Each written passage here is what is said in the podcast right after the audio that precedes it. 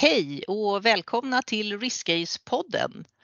Som vanligt i den här podden så pratar vi om nyttan med att ägna lite tid åt det här med riskhantering och hur riskhantering, som vi nördar säger, också kan bli både enkelt och roligt.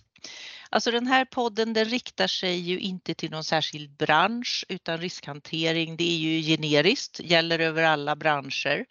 Och vi tänker oss att du som lyssnare ska få ut någonting oavsett om det är så att du precis har börjat jobba inom det här området eller om det är så att du har jobbat med risk under en längre tid och bara vill ha lite inspiration. Ehm, jag heter Kristina Eriksson alltså jag brinner för det här med riskhantering och eh, det viktiga är ju ordet hantering och inte bara analys. Eh, vi måste identifiera våra risker men vi måste framförallt ta hand om dem. Och därför så har jag bjudit in en person som är bra på riskhantering inom ett speciellt område det är området med risker kring person och familj. Eh, mer än fysiskt område, eh, säkerhetsaktuellt tycker jag när det har varit så mycket diskussioner om kriminaliteten som önskar och så eller ökar och sådär. Eh, och den jag har bjudit in det är Torbjörn Kristiansson. Han jobbar på Nordic Level Group. Välkommen Torbjörn! Tack så mycket Kristina! Så vi kommer då ägna lite grann om eh, risker som finns kring den enskilda personen eller familjen. Eh, men även kanske lite vad du som arbetsgivare skulle kunna tänka på ifall du har en verksamhet där du kan ha medarbetare som hamnar i hotfulla situationer. Så ehm, vi kör igång. Vem är du Torbjörn och vad har du liksom för bakgrund inom det här området? Ja, eh, tack för att jag fick vara med. Roligt, eh, även om vi har försökt att få till det här under en längre tid och vi har skjutit på det några gånger, men eh, riktigt kul att det blir av. Eh, ja, men min bakgrund, som sagt, Torbjörn Kristiansson, jobbar på Nordic Level Group idag och min bakgrund kommer egentligen från polisen där jag jobbade som polis i nästan 18 år vart det. det som präglade mest var mina drygt 12 år på nationella insatsstyrkan. Eh, och är man där så pass länge så gör man massa olika saker. Eh, I grunden var jag, höll jag på med maritim verksamhet och ja, mycket ledarskapsfrågor och eh, instruktörsfrågor. Ehm, så, eh, vi, efter mina år där så hade jag svårt att hitta något inom polisen tyckte jag. Eller jag vart också erbjuden ett, en, en tjänst i den privata säkerhetsbranschen som jag bara trodde skulle vara kortsiktigt. Ehm, men jag gick till ett privat säkerhetsföretag som jag jobbade på i tre och ett halvt år innan jag kände att jag, ja, jag, var, jag liksom jobbade klart där. Jag var på väg tillbaka till polisen men fick rådet av oss att liksom starta eget. Så det gjorde jag. Jag startade och drev ett bolag eh, som hette Actsec under eh, lite drygt sex år vart det. Tills jag blev eh, 2020 vart uppköpt av eh, Level då. Eh, och där jag ingår idag. Eh, och min, man kan väl säga, egentligen säga att hela min period i det civila har, har jag jobbat mycket med just personlig säkerhet och, och liksom ansvarar för ett antal familjer och, och privatpersoner och deras familjer eller företagsledare och ledningsgrupper eh, idag och jag är väl kontaktytan hos oss för den här typen av tjänster. Då och ja, försöka bedöma eventuella behov och annat. Så det är väl en kort eh, sammanfattning då. Mm. Alltså viktigt känner jag, eh, det här är kanske ett område som man inte tänker så mycket på förrän man hamnar i en mer akut situation. Eh, det finns säkert vissa yrkesgrupper som är mer exponerade och jag gissar att precis som överallt annars så kan förberedelse vara något som är, är vettigt. Men det ska vi prata, prata mer om nu då. Men, men för oss andra som kanske inte riktigt funderat i de här banorna eller så, alltså risker kring en enskild person eller en familj. Eh, vilka är de och hur uppstår de? Ja, men kort svaret, det finns ju massa olika och det kan vara precis som du nämner olika yrkesgrupper. Vi till exempel jobbar mycket med media och journalister och de, de löper en jättestor risk att, att, utsättas för saker som ibland går över på person eh, eller ofta är mot person. Eh, så, men, men om vi ska släppa dem och prata generellt eh, så handlar mycket om exponering. Det kan vara exponering till utifrån att du har en specifik roll, Eh, VD eller ägare eller något, något sånt. Eh, men det vi också ofta ser i det lite som fokus kommer att vara på idag är exponering kopplat till förmögenhet. Eh, det märker vi är den stora eh, skillnaden idag eller det som liksom i alla fall är grunden till att man, man utsatts, utsätts eller man höjs, eller så risken höjs då. Eh, vi ser också att, det, att, att liksom andra delar också kan spela in. Alltså att man har dyra vanor, fina bilar. Alla har hört talas om klockrån. Eh, man visar upp konst, resor och sånt. Det kan också skapa ett intresse även om inte man är exponerad i liksom traditionell förmögenhet. Eh, skulle jag säga. Då.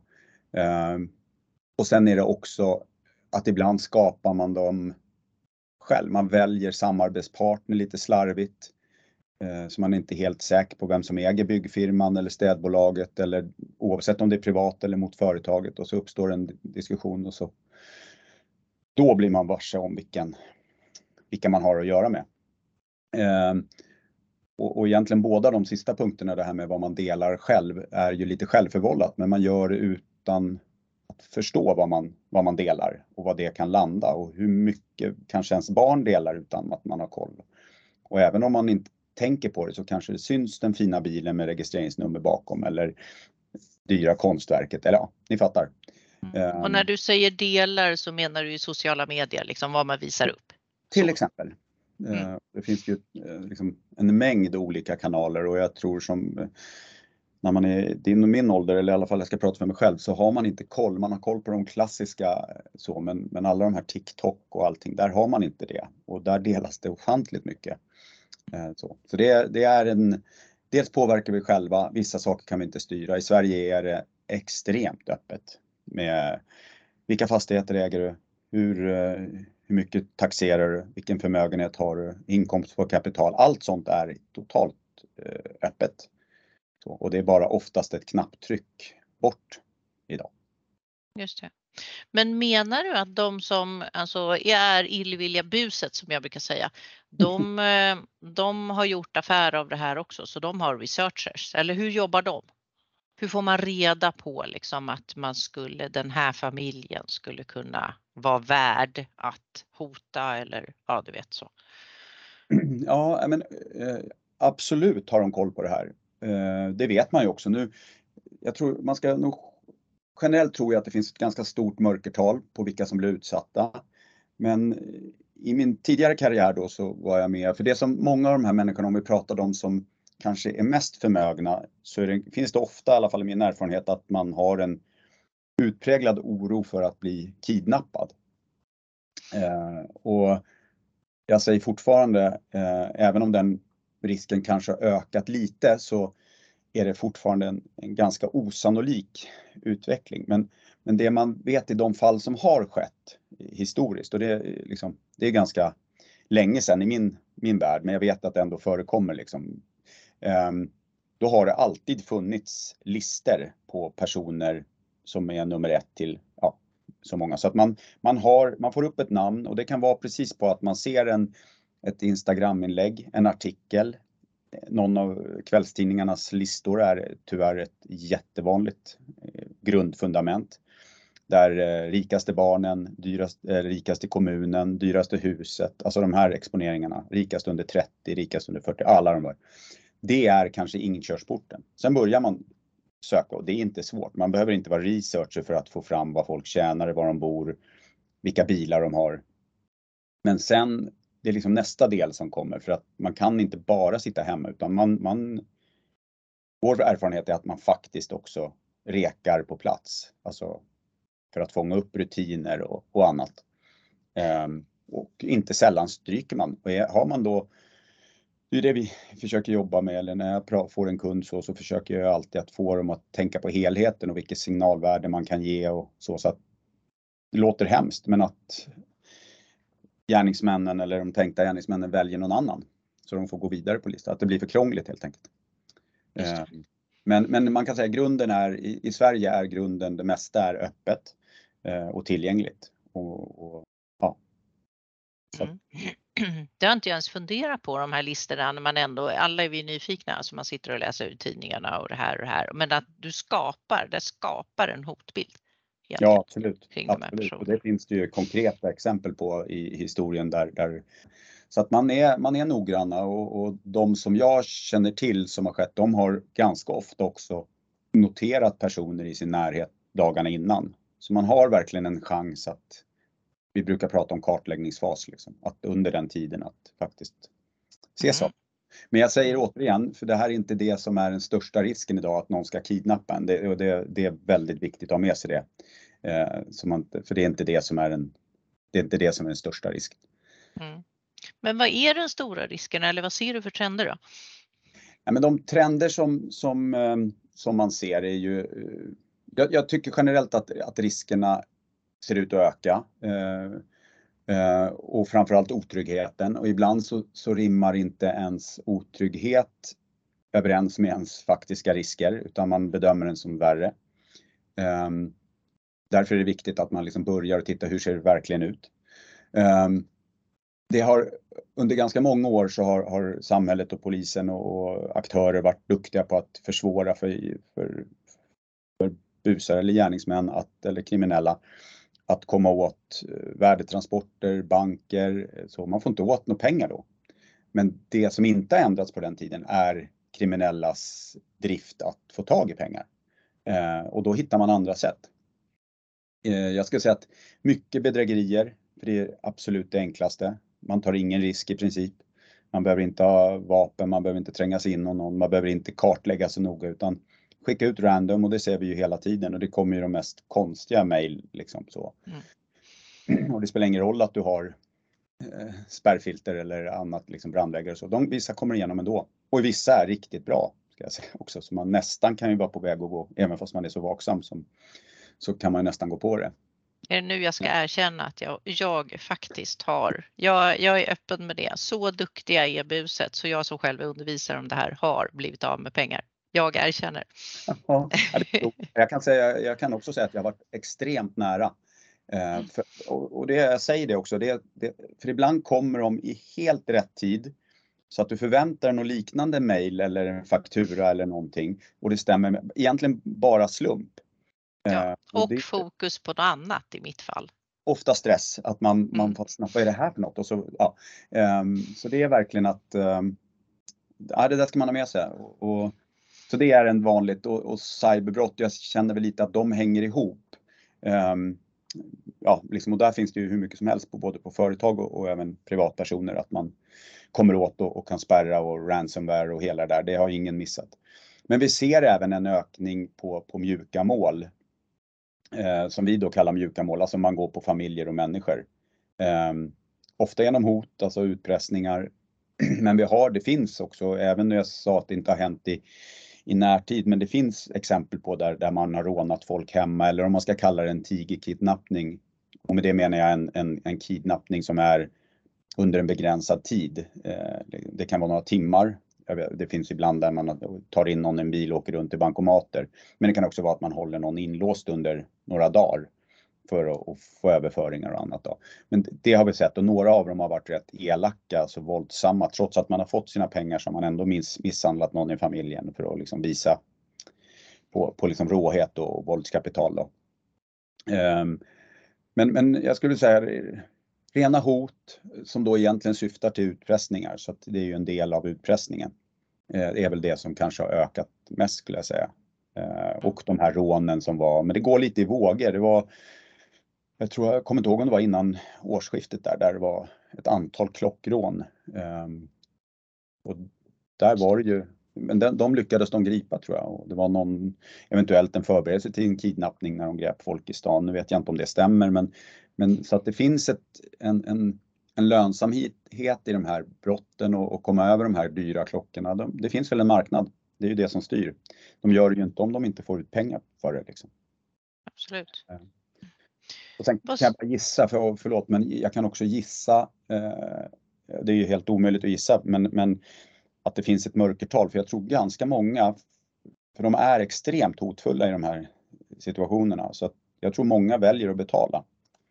Eh, mm. och då får man aldrig reda på det. Sen är frågan om det, om det stannar där. Utan sannolikt så händer det, man återkommer. Har man fått pengar en gång, då är det väldigt lätt att återkomma. Så därför är rådet att man inte ska betala. Men, men det är också lätt att säga när, när, när hoten kommer som verkar otroligt eh, verkliga och, och, kanske till och med fysiskt på plats. Ja, då är det svårt att inte göra det. Ja, ja men det, det förstår man verkligen. Men vad tänker du då? Alltså, man måste ju jobba med förebyggande tänker jag i det här läget.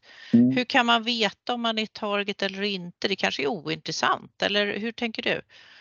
Ja, men jag, alltså förut så, jag tycker man har sett en skillnad. Jag, jag har ju varit i den civila säkerhetsbranschen i ja, 12 år tror jag. Ehm, och det har varit en stor för, liksom, förändring i det. Jag tyckte förut var det främst de som var väldigt, väldigt förmögna eh, som, var, som var utsatta. Nu skulle jag säga, jag vet inte, ett slarvigt uttryck, övre medelklass, alltså folk som har det bra men inte är inte de absolut rikaste. De är också måltavlor idag. Eh, det är ganska många som har fina bilar och dyra klockor och bor fint och konst kanske och så. Ehm, och då kan man nöja sig med kanske mindre summor men det är ändå ganska mycket pengar. Liksom. Eh, och absolut, man ska vara förebyggande och det är svårt, det vi pratar om exponering och hela det här, det, det är svårt att, att, få bort. Många har ju önskan att kan ni bara ta bort mig? Det, det är en ganska vanlig fråga. Mm. Och vi säger nej, man kan göra vissa saker men det går inte att få bort det helt. Vissa vägrar att ta bort. Eh, ska du bort så måste du ha skyddade personuppgifter och, och det är svårt att få, vilket det också ska vara. Um, och, men man, man, behöver, jag tror att om vi, om vi då pratar utifrån, jag vet inte om du menar från arbetsgivarperspektiv, eh, om vi börjar där så, ehm, så kan man säga att ehm, man, man, man, måste och är skyldig att se över sina anställdas säkerhet som arbetsgivare. Eh, Ibland, långt ifrån alltid, så ser man kanske över ledningen men man bör nog också tänka på kanske till exempel utsatta positioner. Alltså vad, vad sitter man på för information? Skulle det vara intressant att börja trycka, trycka på den här personen för att komma åt företagshemligheter till exempel? Eh, då bör man kanske titta på dem.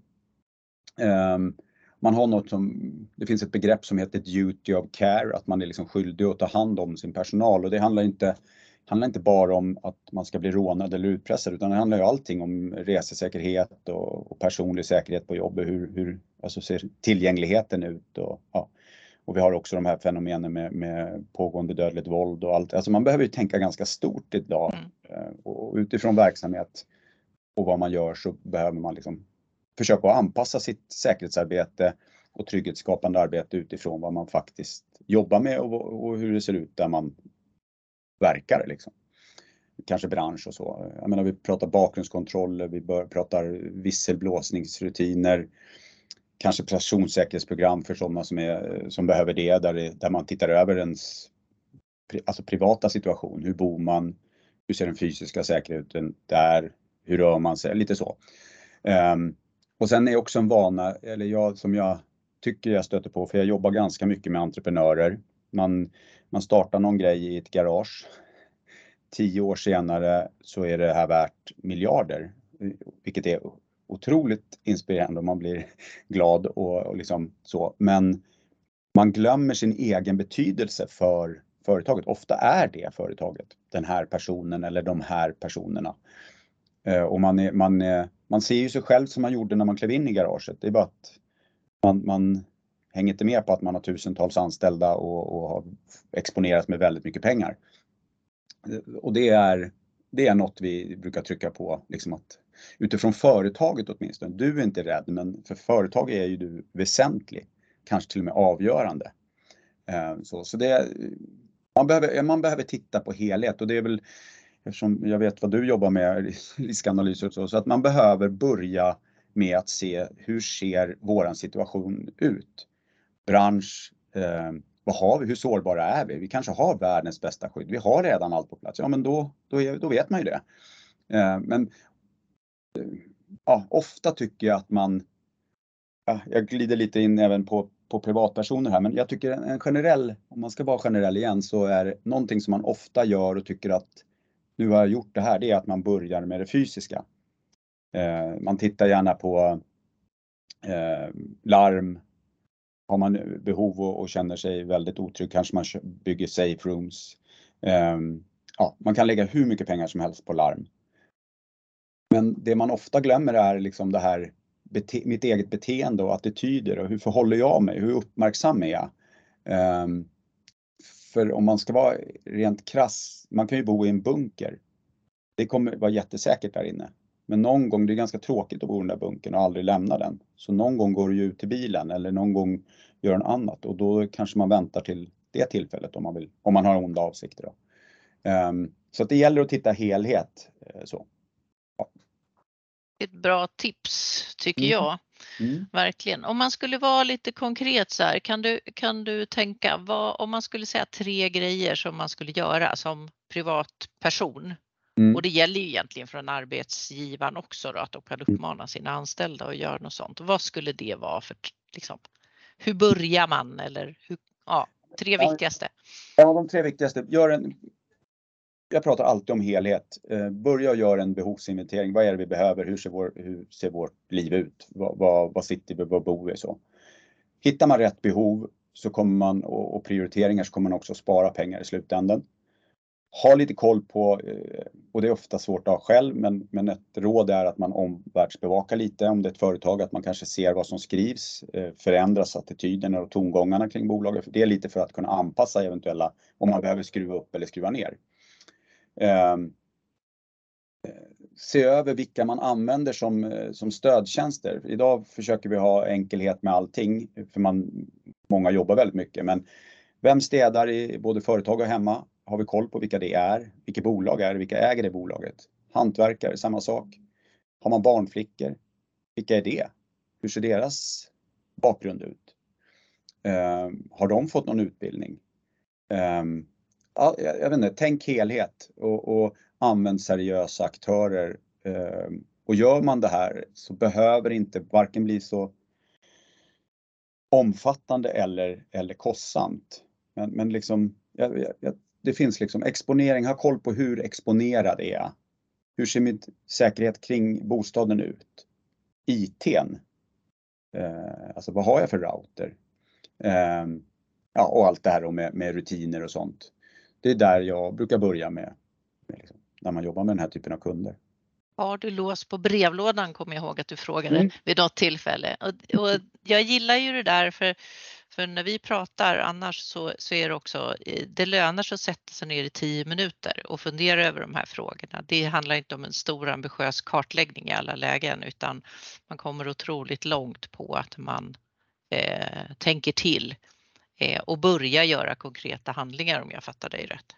Ja men verkligen och det behöver inte vara så märkvärdigt och jag vet att just det här med att man känner att man ofta tycker att ja, nu har vi världens bästa larm eh, och kameror och så men för det är, känt, det är ganska enkelt att ta hand om. Just det här med att börja gå in på beteenden och hur man lever. Det är ganska jobbigt tror jag många uppfattar, även fast det inte behöver vara det heller. Ehm, så att, ja, jag tror att det är nog ganska vanligt. Alltså jag tycker det är jättebra, spännande område. Jag känner Torbjörn, vi får nästan göra en uppföljare av det här tror jag. Så att det får ni hålla utkik över. Om eh, ett halvår, ett år, vad vet jag, så kanske vi pratar mer om de här frågorna. Eh, superintressant. Eh, så att vi vill tacka er för att ni har lyssnat. Vi tackar dig Torbjörn för att du har delat med dig av kunskap. Tack för att jag fick komma. Det var roligt. Och Eh, vill ni ha kontakt med Torbjörn så hittar ni honom på LinkedIn och oss hittar ni också där. Så att stort tack för att ni har tagit er tid. Tack.